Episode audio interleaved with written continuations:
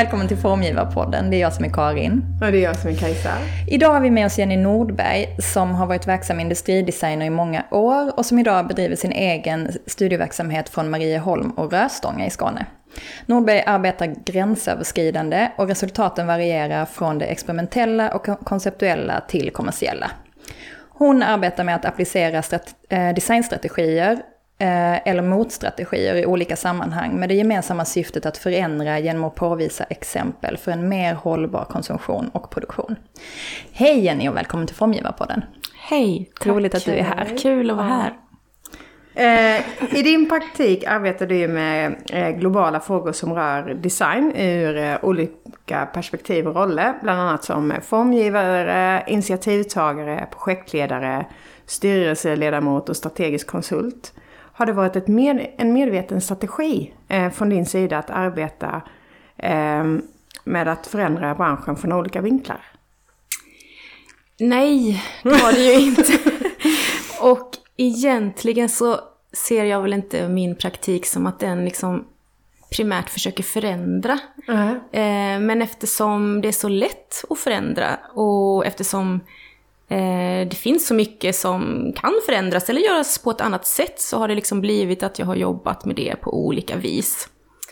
Eh, och det tror jag en del kan uppfatta som lite märkligt. Att eh, ena dagen så står man och experimenterar med ett material i en verkstad. Mm. Och andra dagen jobbar man liksom med strategisk utveckling med en ledningsgrupp.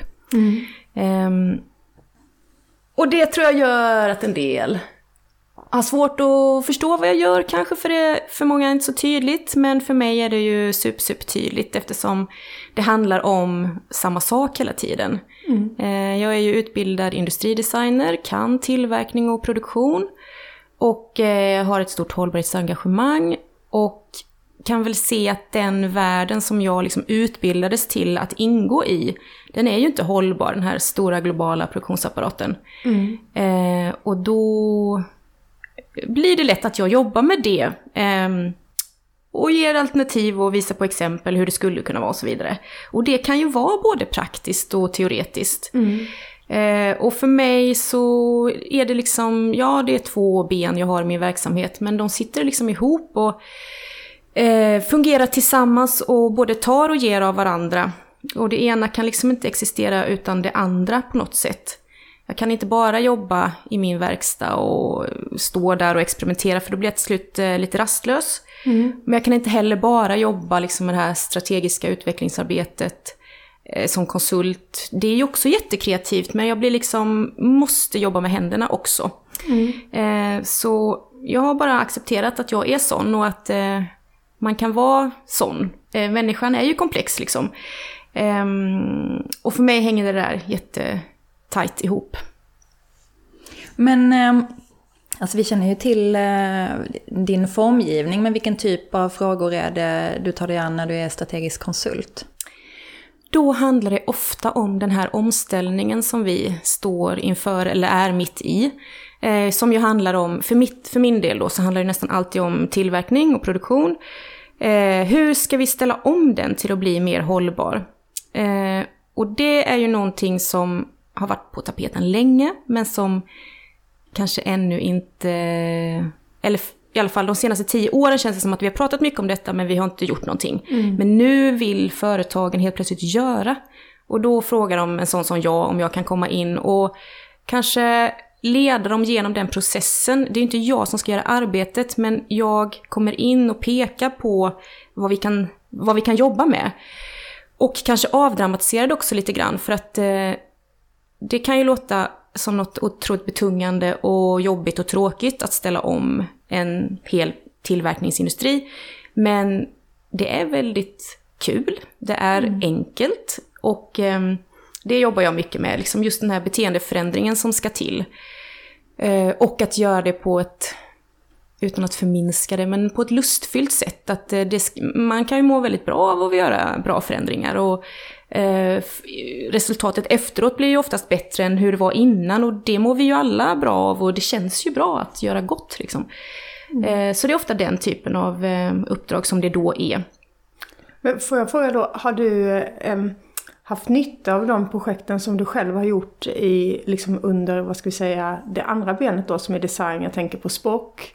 Eh, som först var det liksom den nya kartan och så har de gått in i varandra. Och ditt egna projekt, eh, 3 to 5 seconds är det va? Ja. Eh, har de liksom hjälpt dig att förmedla lättare till, alltså som nästan exempel också? Ja, det är, precis, det är exakt så det fungerar ju. att eh, Det är därför jag måste göra de egna projekten. Eh, de ger och tar ju av varandra liksom. Mm. Eh, och det är ju tack vare de egna projekten som jag har en jättestor kunskap om material och tekniker och som sen man kan liksom föra in i det här förändringsarbetet. Eh, och ja, så att eh, de två...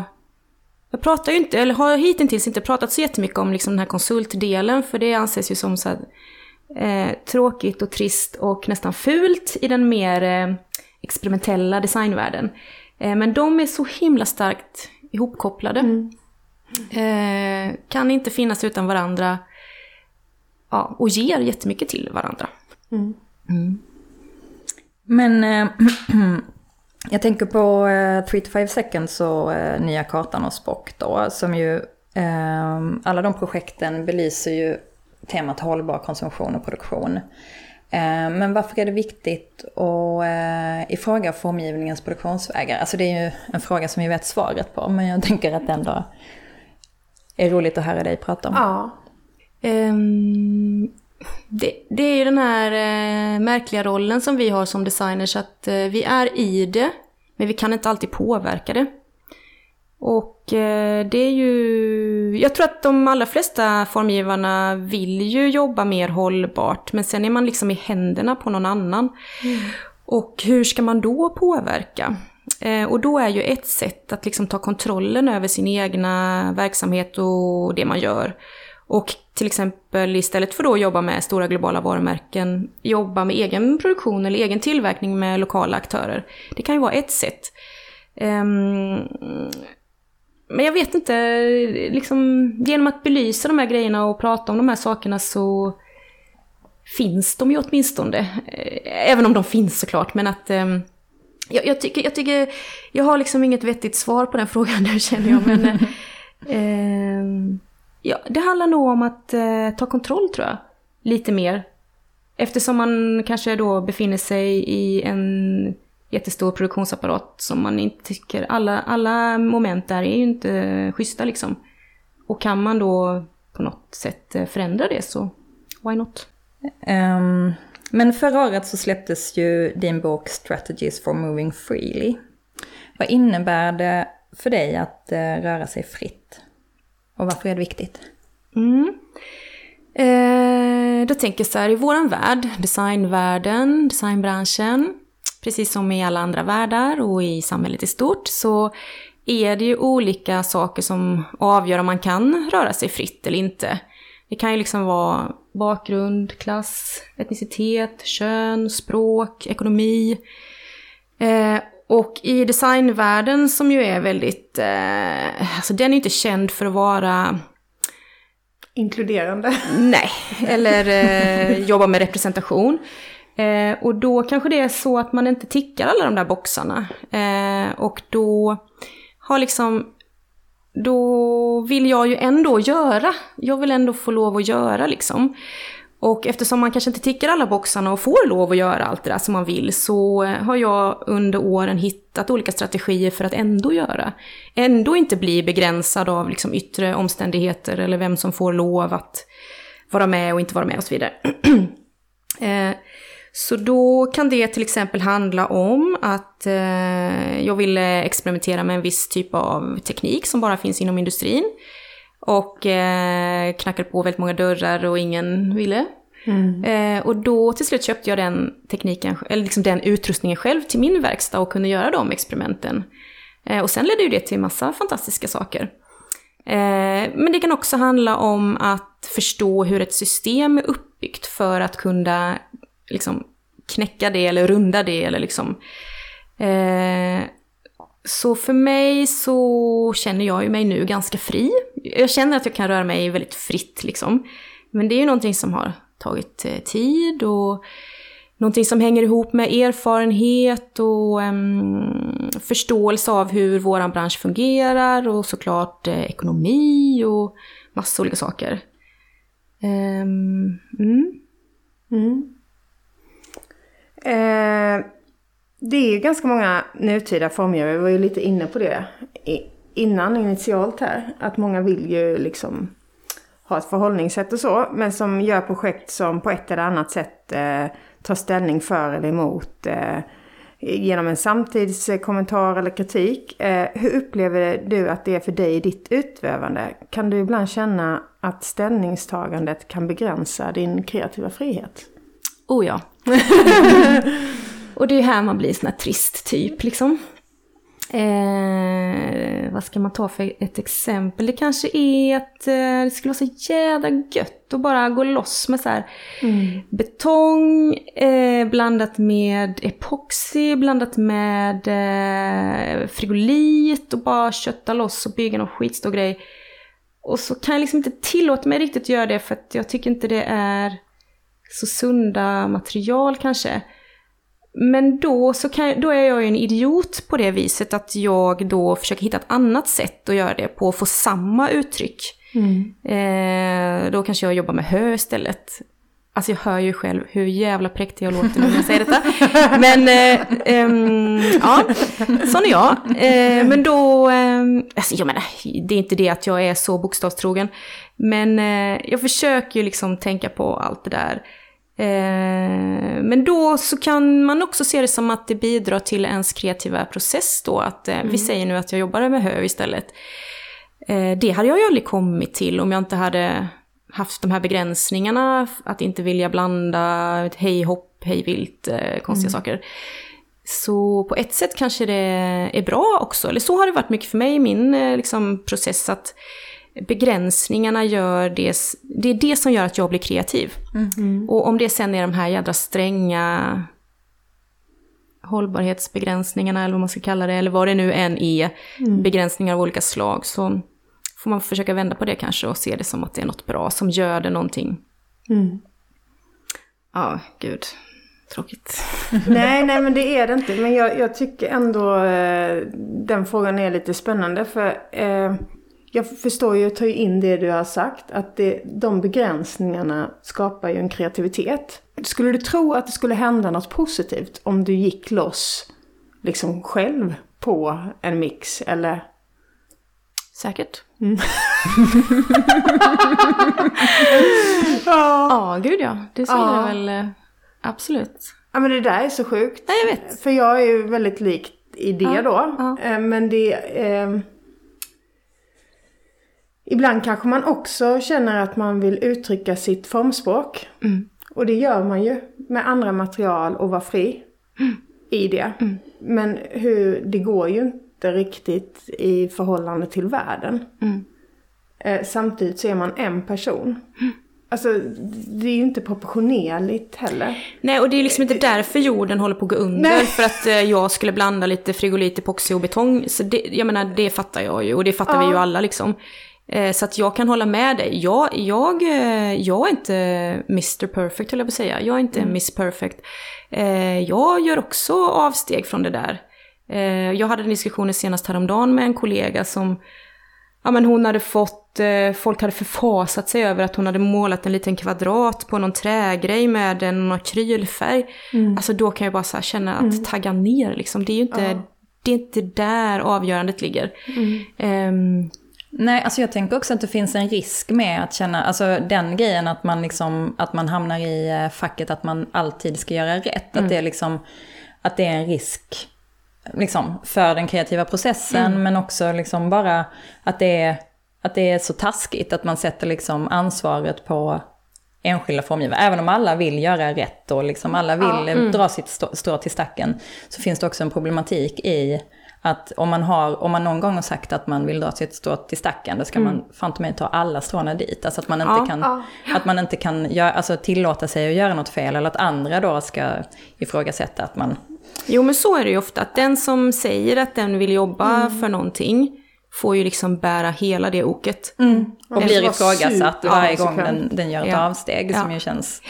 Men ibland så hade det varit trevligt att känna att man kunde gjort ett projekt som inte hade någon mening. Mm. Mm. Men ska vi inte göra det då? ja, men jag känner att jag är i det. Jag har precis gjort ja. ett projekt som jag ska liksom visa, som, där jag känner så här, ja, det är bara det här. Mm. alltså det är fint, mm. men det är också bara fint. Och så kan jag känna så här, men det får lov att vara bara fint. Och sen så bara, nej, men varför finns det inte någonting mer? Varför, varför säger jag inget mer med det här projektet? Varför är det bara liksom mm. fint? Alltså att det blir så här, jag vet inte, jag tycker det är svårt att, eh, mm. att jag liksom, men det kanske också är att man själv känner att man vill, att man vill, äh, att man vill liksom säga någonting mer. När man, väl, ja. när man väl tar ordet så är det roligt att få, att få säga någonting som betyder någonting. Mm. Men nu, denna gången så blev det bara fint. ja. Men jag tänker att eh, liksom, jag har haft perioder där jag liksom inte har pratat om de här frågorna för att Eh, ja, av massa olika anledningar, men just det här, eh, dels eh, så framstår man som enormt präktig och jag känner att jag är inte riktigt det. Och sen så blir det så stort fokus på det, så att jag tänker att genom att bara göra så kan man ju, man måste inte nödvändigtvis prata om det också. Man kan göra och liksom sätta sig i olika, ta olika positioner eller sammanhang eller vad det kan vara. Eller lösa någonting på ett annat sätt. Eh, och så kan det räcka också. Så slipper man eh, halka in i den där eh, ibland ganska trista diskussionen liksom, mm. som hela den mm.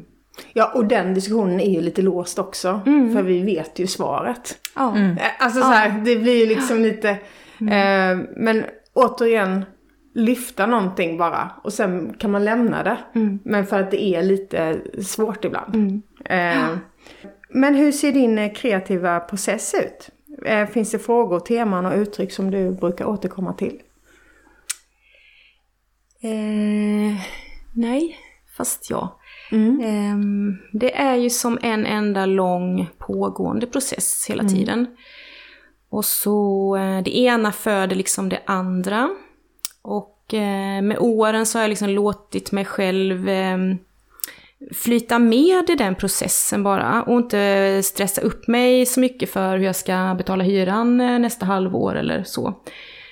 Utan bara flyta med och eh, så kommer det väldigt mycket saker längs vägen, liksom olika idéer eller eh, man ser eller läser någonting och så kanske det inte passar just i stunden men liksom jag lägger det här uppe i huvudet.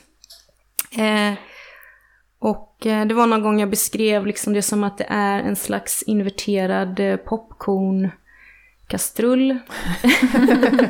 Där liksom opoppade majskorn liksom samlar in dem så här.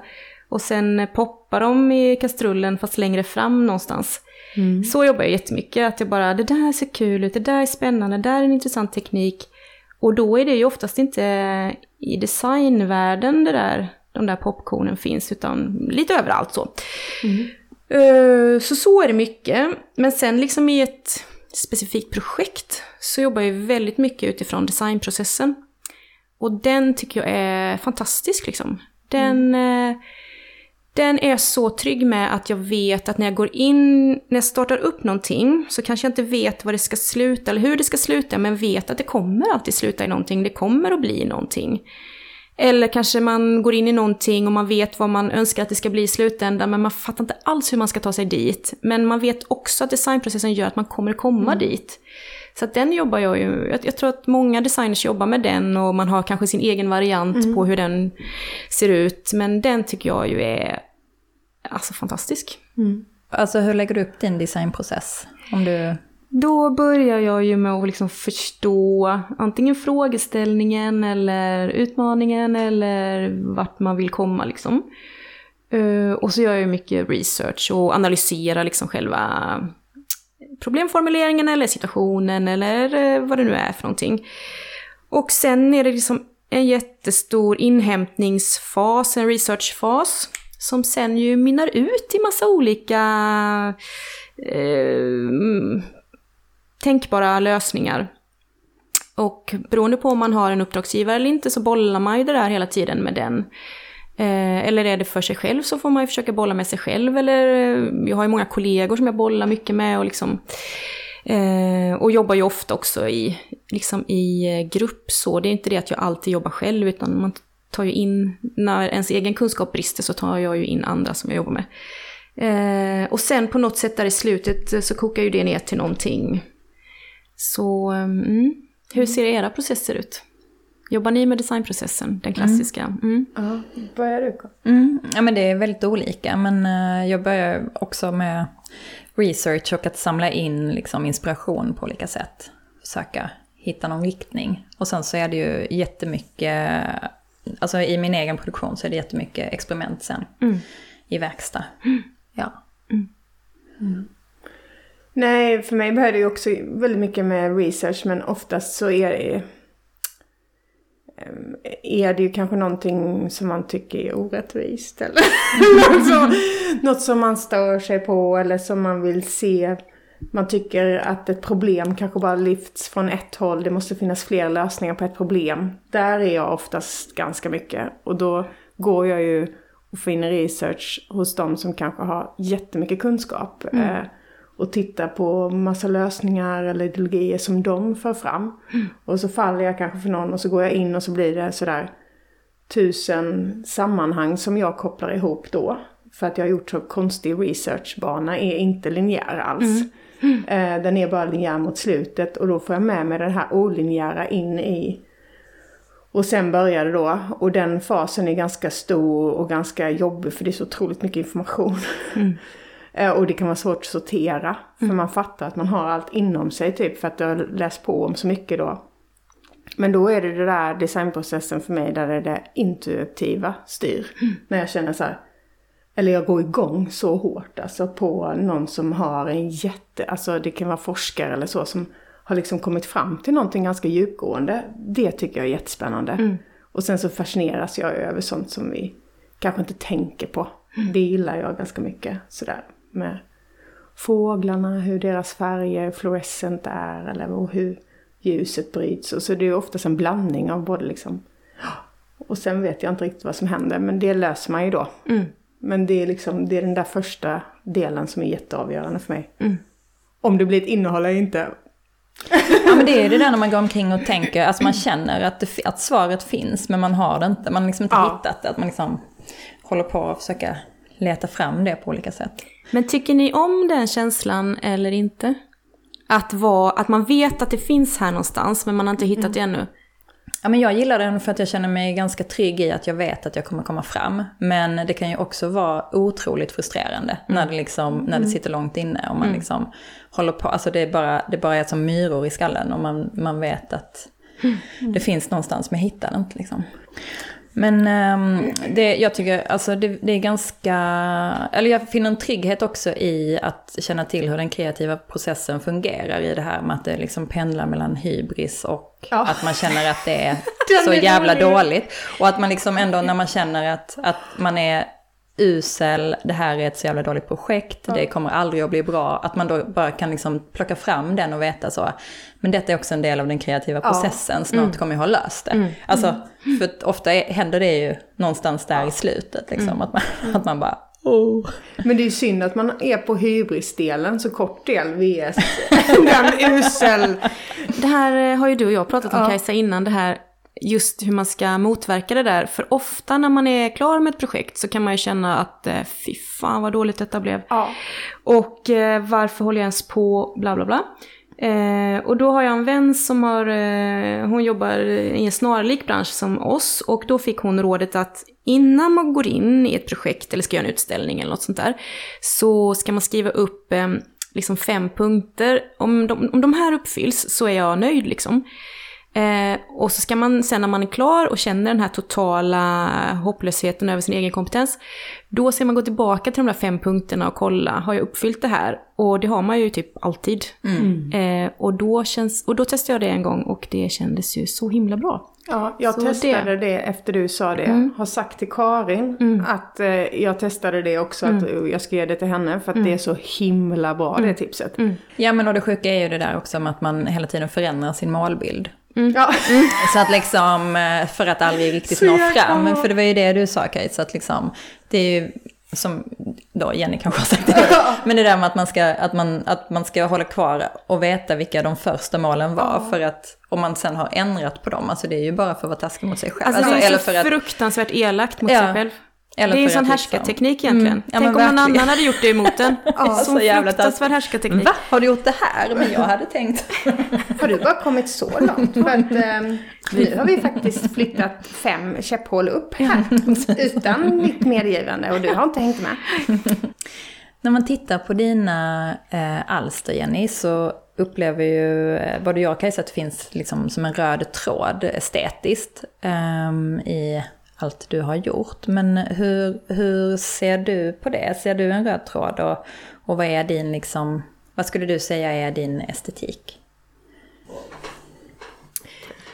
Ja, nej men... Um, bara för att man jobbar med innehåll och olika tankar och frågeställningar så betyder ju inte det att uh, liksom det visuella eller estetik inte är viktigt. Det är jätteviktigt för mig, jag jobbar jättemycket med det. Eh, och det kanske är svårt för mig att se vad som är typiskt för min, mitt uttryck eller min estetik, men det som jag ofta kommer tillbaka till när det handlar om vad jag gillar i uttryck, det är ju antingen det väldigt, väldigt slumpartade eller någonting som är superstandardiserat. Och det kan man ju se egentligen, det är ju varandras motpoler på något sätt. Men det som jag tycker förenar de två, det är ju att det är ett visst mått av, det, det är en mängd beslut som jag slipper ta. Alltså när det handlar om slump så blir det ju som det blir. Där slipper jag ta de besluten. Och när det handlar om standardiserat så är det ju beslut som redan är tagna, till exempel dimensioner eller olika möjligheter inom tillverkning. Så på något sätt så tycker jag att de också hör ihop väldigt mycket. Ehm, sen så är ju det jag gör ändå superkontrollerat, för jag väljer ju lite Såklart. hur slumpen ska se ut, eller jag väljer ju former och färger eller vad det nu kan vara. Ja, men det är en arrangement, en director av slumpen Ja. typ. Så det kanske kan vara någonting som gör att jag då har ett visst uttryck, eller man kan se en röd tråd genom det. Eh, Men vilket projekt är du, eller vad är du mest stolt över? Nej men alltså just den här frågan har jag ju fått innan och jag är ju liksom inte stolt över något. Jag är aldrig stolt. Är det inte? Nej så där Det kanske... tycker jag du borde vara. Ja, Ja, men verkligen. eh, jag vet inte. Så jag tänker att där kanske jag får vara privat då, för att jag är ju ändå lite stolt över eh, min dotter som är liksom rolig och tänkande och empatisk och så. Så det är jag ändå lite stolt över att eh, eh, ha varit med och bidragit till kanske. Eh, men sen så kan jag känna att jag är ju så glad över jättemycket. Eh, jag är ju jätteglad över att jag har ett jättekul jobb och att eh, jag har roliga sammanhang och en rolig familj och eh, har kul vänner och har för det mesta ganska trevligt. så det, det är jag ju väldigt glad över. Åh, vilket fint. eh, nu har vi kommit till den delen eh, där vi liksom brukar lyfta ett tema eh, med den vi pratar med. Och ehm, då handlar det om, det är lite långt nu så jag kommer läsa till här och så diskuterar vi liksom fritt kring det sen. Eh, det handlar om den här, eh, det var en intervju med Alice Warthorn, heter hon så? Warthorn. Eh, från i år där hon berättade om hennes projekt med Paula Antonelli som heter Design Emergency. Som kanske alla vi formgivare har sett liksom på Instagram och sådär. Eh, som startade under pandemin. Eh, och det handlade om liksom innan pandemin har vi vetat att design inte matchat syftet med klimatkrisen, flyktingkrisen, eh, systematisk rasism och andra former av eh, ojämlikhet, intolerans och orättvisor. Samt såklart andra skrämmande problem. Eh, Alice och Paula startade därför emer- eh, Design Emergency för att hoppas nå ut till beslutsfattare för att de ska kunna se design på det sättet som de själva gör. Och det innebär då att design för dem är viktigt verktyg för att ta itu med sociala, politiska, ekonomiska, ekologiska och teknologiska utmaningar och placera det längst fram i en eh, postcorona rekonstruktion. Vad tänker ni om det? Håller ni med? Ja, jag håller ju jättemycket med där, men ser ju också utmaningarna i detta eftersom den gängse bilden av vad design är, är ju fortfarande så starkt kopplad till att det är någon slags färg och formverksamhet, vilket det är, mm. men inte bara liksom. Mm. Och så tänker jag att, eh, vi pratade ju tidigare om designprocessen och att den är ju så grym i de här sammanhangen. Den funkar ju så sjukt bra på så förändringsprocesser, vilket ju är det vi behöver. Mm. Eh, men att det handlar mycket om öka förståelsen och kompetensen om vad design är och kan mm. göra. Eh, och det är ju liksom en kommunikationsfråga, tänker jag. Jo, men en grej som ändå är ganska intressant, som mm. är lite i, i, på detta spåret, det är ju Ursula von der... Von der Leyen. Von der Leyen, ja. Mm. Som ju har etablerat, det är väl inte hon personligen, men hon leder ju det här med The New Bauhaus, bla bla bla någonting.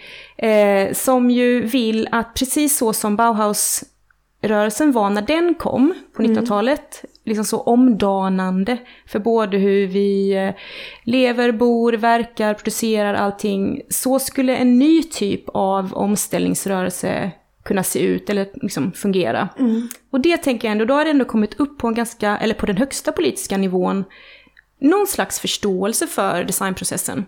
Mm. Eh, och dess eh, kapacitet liksom. Mm. Det är viktigt att man faktiskt tar med designers i det här. Ja. Mm. Därför det här är så mycket nu. Nu ska ju det här liksom också göras i Sverige. Det kommer liksom då EU-direktiv på att eh, vi ska göra det i Sverige. Och än så länge tycker jag att det är väldigt mycket mm, politiker och olika typer av institutioner och organisationer som driver den här frågan. Men man glömmer liksom lite av så här, vem det faktiskt är som har kompetensen och ska genomföra det. Mm. Om man nu ska jobba med design. Mm. Så det tycker, tänker jag är en sån klassisk grej med. Mm. Jag hade inget mer att säga.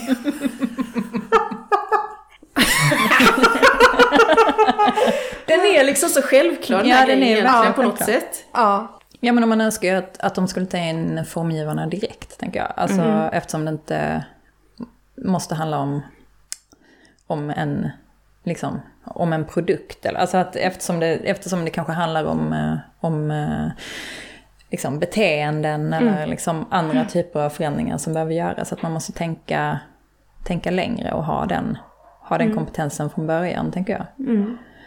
Eh, men Jenny, Eh, vad är ditt eh, drömprojekt? Ja, det har jag ju heller inte riktigt nått. Men eh, då tänker jag ju så här, om den här strate med strategiska delen av mig som jobbar liksom med, så med överblick och system och sådär. Mm. Eh, om den strategiska delen av min sjöjungfrustjärt då. Mm. Eh, jag hade tyckt det var så sjukt kul att få i uppdrag att ena de här tre, fyra designorganisationerna som vi har i Sverige. Mm. Att liksom vara med och bidra till att de blir en. Mm. Eh, för då tror jag att eh, det skulle kunna göra otroligt mycket för, eh, inte bara Design Sverige, men också för det vi precis pratade om, att liksom att design kan vara så mycket mer än färgform. Mm. Eh, och jag tänker att det är någonting som vår bransch behöver otroligt mycket. Om man kollar på Sveriges arkitekter till exempel så är de enade och har varit det under lång tid. Mm. Och deras villkor är ju mycket, mycket bättre än vad designers villkor är till exempel. Mm. Så det kan ju en del av mig se som mm. ett slags drömprojekt. Medan då min andra del, jag blir totalt illamående när jag hör mig själv säga det här att det är ett drömprojekt. Eh, det, det är ju också något så fruktansvärt tråkigt att ha den rollen och försöka ena de där fyra, tre, fyra organisationer som absolut inte vill enas eller gå samman. Eh, så när den mer liksom utforskande och experimenterande delen av mig, om man frågar den delen mm. vad den har för drömprojekt, så är det väl något stort projekt med stor budget eh, där det är liksom bara en massa experimenterande eh, med både tekniker och material. Ehm, ja men där liksom, där ehm, både tid och pengar finns. Mm. För det är ju oftast inte så. Mm. Eh, det, det är ju drömmigt. Mm. Och sista frågan då. Vad har du i pipelinen? Nu har jag ju faktiskt ett sånt projekt som är lite ja. Eh, som har en bra budget. Som är bo, den är i och för sig både strategisk och experimentell. Eh, det, det är ett stort samarbete som jag har precis gått in i som är jättekul. Eh, som jag inte riktigt kan prata om ännu. Men det är liksom, handlar om material och eh, hur eh, förnyelsebara material kan se ut i framtiden och kanske ersätta då fossila material.